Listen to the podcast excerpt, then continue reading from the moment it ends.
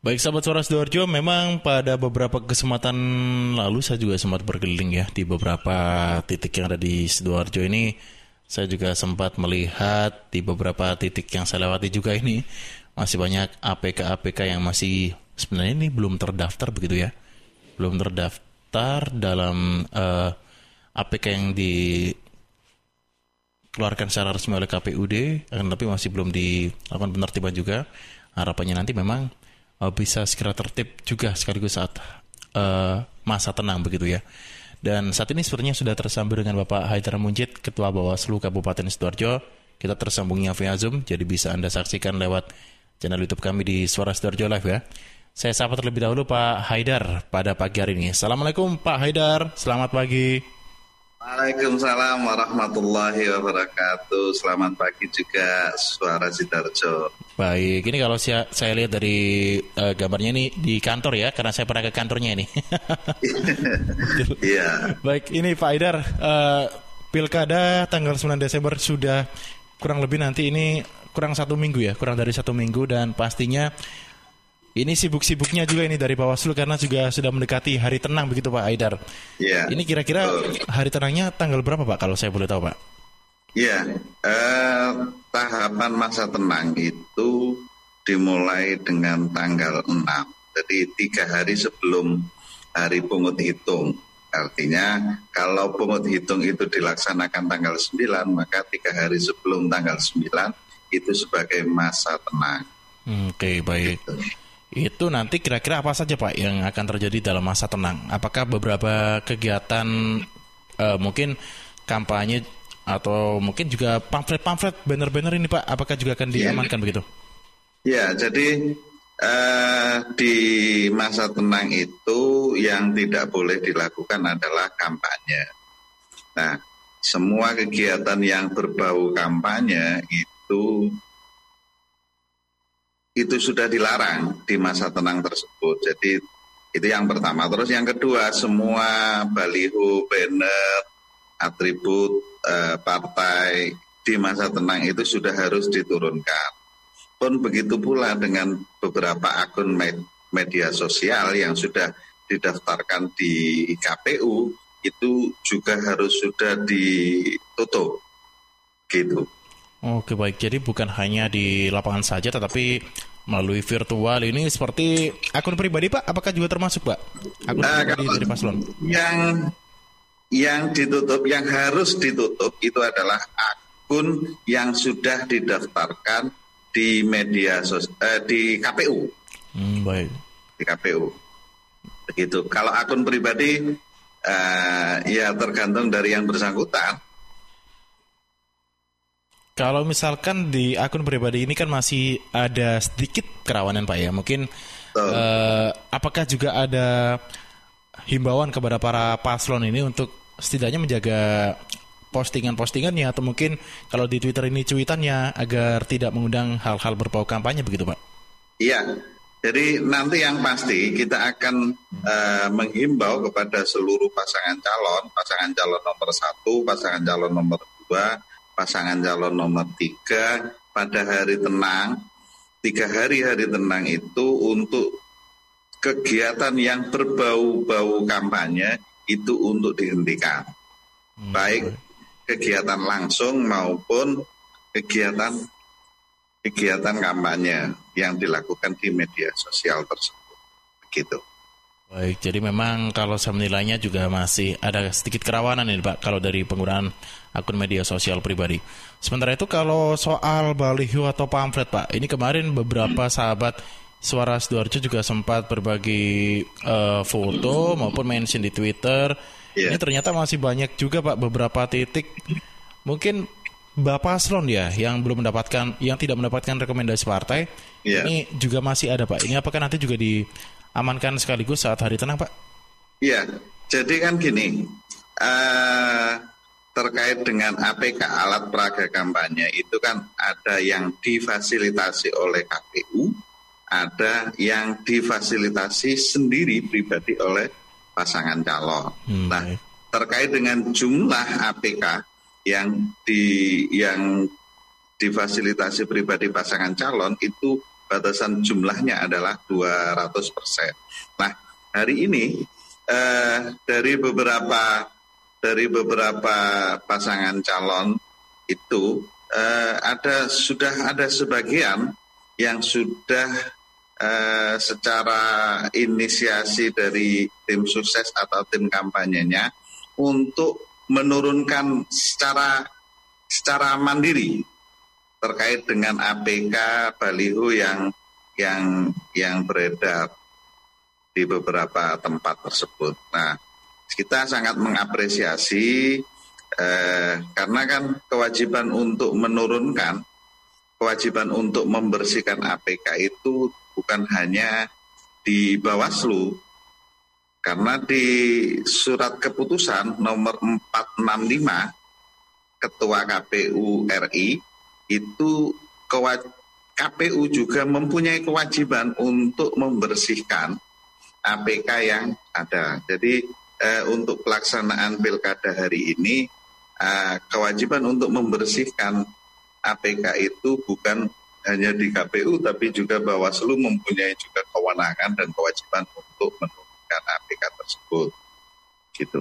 Oke baik. Jadi nanti uh, perlu diapresiasi Pak, bukan nanti sih, sekarang perlu diapresiasi ya. untuk yang sudah menurunkan secara pribadi nih. Pak, tapi kalau biasanya memang pada hari tenang ya Pak ya, ini sedikit rawan yang namanya money politik Pak. Ini untuk bentuk pengawasannya nanti seperti apa Pak Haidar? Iya, jadi uh, hari ini Bawaslu sudah melantik sebanyak 3.531 pengawas di tiap-tiap TPS Kabupaten Sidoarjo.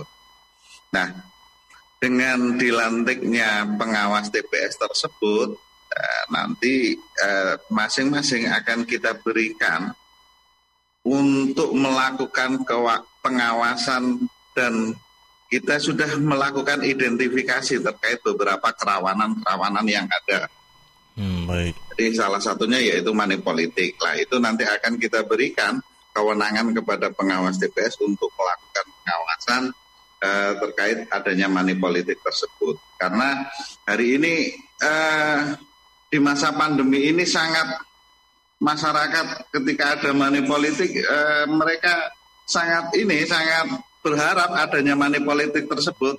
Betul. Nah ini tantangan bagi teman-teman Bawaslu dan juga eh, dan jajaran di bawah untuk melakukan pengawasan. Hmm, betul. Karena mungkin faktor ekonomi juga bisa jadi salah satu pemicunya Pak ini Pak ya? Betul, betul, betul. Kemudian untuk saat ini kalau dari sisi kerawanan ini apakah ada di beberapa daerah tertentu Pak mungkin dari pemetaan Bawaslu atau mungkin uh, seluruh Kabupaten Sidoarjo ini untuk potensi kerawanannya sendiri? Ya, memang ada beberapa itu masyarakatnya yang sangat pragmatis. Jadi ketika mereka tidak ada yang memberikan uh, apa uang untuk berangkat, mereka tidak berangkat. Nah, dari beberapa pemetaan di kecamatan dari 18 kecamatan di Kabupaten Sidoarjo itu tingkat kerawanannya berbeda-beda. Hmm. Nah ini nanti kita juga perlakuannya pun juga berbeda-beda. Nah nanti akan kita sampaikan kepada jajaran ini strategi kami eh, yang akan kita laksanakan nanti pada saat melakukan pengawasan eh, di masa tenang menjelang pungut hitung tersebut. Hmm, Oke okay, baik. Pak dari 3000 uh, tadi mungkin personil yang sudah dilantik di beberapa di setiap TPS atau mungkin di setiap wilayah ya. Ini juga yeah. bersinergi Pak dengan beberapa tokoh masyarakat mungkin terkait dengan potensi pelanggaran karena biasanya peran tokoh masyarakat ini juga sangat penting, Pak. Hmm. Jadi ya uh, jadi kami uh, beberapa kali sudah uh, mengadakan kegiatan yang mengundang organisasi kemasyarakatan mengundang OKP, LSM yang ada di Kabupaten Sidoarjo.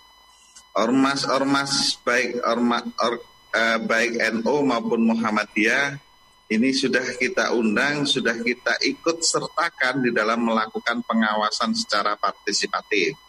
Nah, kami berharap uh, kepada tokoh masyarakat juga yang ada di wilayah Kabupaten Sidoarjo juga ikut berperan aktif, ikut ber, an, bersosialisasi terkait dengan bahaya money politik tersebut di samping juga jajaran kami yang ada di TPS, pengawas TPS tersebut.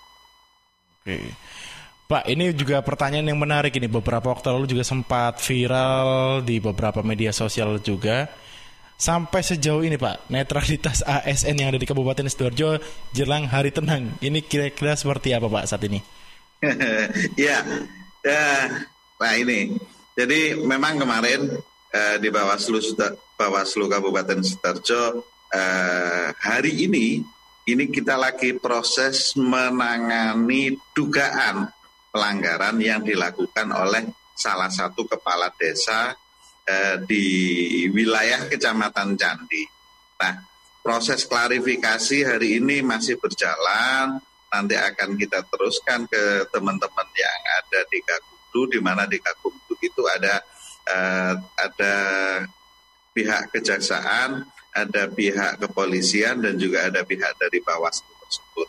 Nah, eh, apa pun nanti rekomendasi dari teman-teman yang ada di di Gakumdu terkait dengan dugaan pelanggaran yang dilakukan oleh salah satu kepala desa eh, itu nanti akan juga kita rilis ke teman-teman media karena hari ini lagi lagi proses berlangsung eh, klarifikasi terus habis setelah klarifikasi ada eh, ada kajian satu dan kajian dua dan lain sebagainya.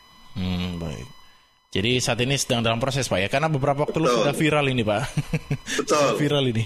Hmm. Dan sebelum jadi itu itu merupakan temuan. Jadi eh, salah satu bukti bahwa Bawaslu Kabupaten Sidoarjo eh, eh, melaku, sudah melakukan tugasnya sesuai dengan prosedur bahwa eh, dugaan pelanggaran itu merupakan temuan dari hasil pengawasan panwas desa yang ada di Kecamatan Candi. Jadi bukan dari laporan masyarakat, bukan dari aduan dan lain sebagainya, tapi itu adalah berdasarkan temuan hasil pengawasan dari panwas desa yang ketika melakukan eh, pengawasan masa kampanye tersebut. Oke, tapi selain dari yang tadi di Candi, apakah juga masih ada eh, dugaan lain Pak mungkin yang saat ini sedang dilakukan pengawasan begitu? Untuk netralitas sementara masih masih di Candi, Kecamatan Candi. Hmm, Oke okay, baik. Untuk netralitas. Karena beberapa waktu lalu Bapak PJ Bupati dan Bapak Sekda juga sudah berpesan Pak ya, yang ya. waktu lalu sempat saya bertemu Pak Haidar di Pendopo ini. Betul, betul sekali, betul. Pak, ini mungkin yang terakhir juga sekaligus closing statement karena ini sudah dekat waktunya untuk hari tenang kepada masyarakat Sidoarjo. Apa saja Pak pesan dari Bawaslu Kabupaten Sidoarjo sendiri Pak ini? Ya, baik. Terima kasih Suara Sidoarjo. Uh, saya Haidar Munjid, Ketua Bawaslu Kabupaten Sidoarjo, menghimbau kepada seluruh masyarakat warga di Kabupaten Sidoarjo untuk menggunakan hak pilihnya di tanggal 9 Desember 2020. Yakinlah bahwa seluruh petugas KPPS, seluruh pengawas PTPS itu mereka sudah bebas dari COVID-19. Jangan sampai eh, karena adanya COVID-19 ini menjadikan ketakutan bagi masyarakat untuk datang ke TPS. Itu yang pertama. Yang kedua, eh, ketika ada tim sukses, tim kampanye yang memberikan money politik, laporkan kepada teman-teman jajaran kami yang ada di Panwas Desa maupun Panwas Kecamatan. Eh, dari semua laporan yang masuk nanti akan kita follow up, akan kita tindak lanjuti karena bagaimanapun juga money politik itu mencederai proses demokratisasi yang ada di Kabupaten Sidoarjo. Demikian. Baik, kalau begitu Pak Haidar terima kasih atas informasi dan waktunya yang sangat berharga. Semoga untuk pelaksanaan pilkada serentak 9 Desember mendatang bisa terlaksana dengan lancar dan tidak ditemui amin, banyak pelanggaran Pak ya. Amin, amin. Kalau begitu terima kasih Pak Aidar. Assalamualaikum, ya. selamat pagi, selamat beraktivitas. Waalaikumsalam warahmatullahi wabarakatuh. Terima kasih Suara Sidarjo.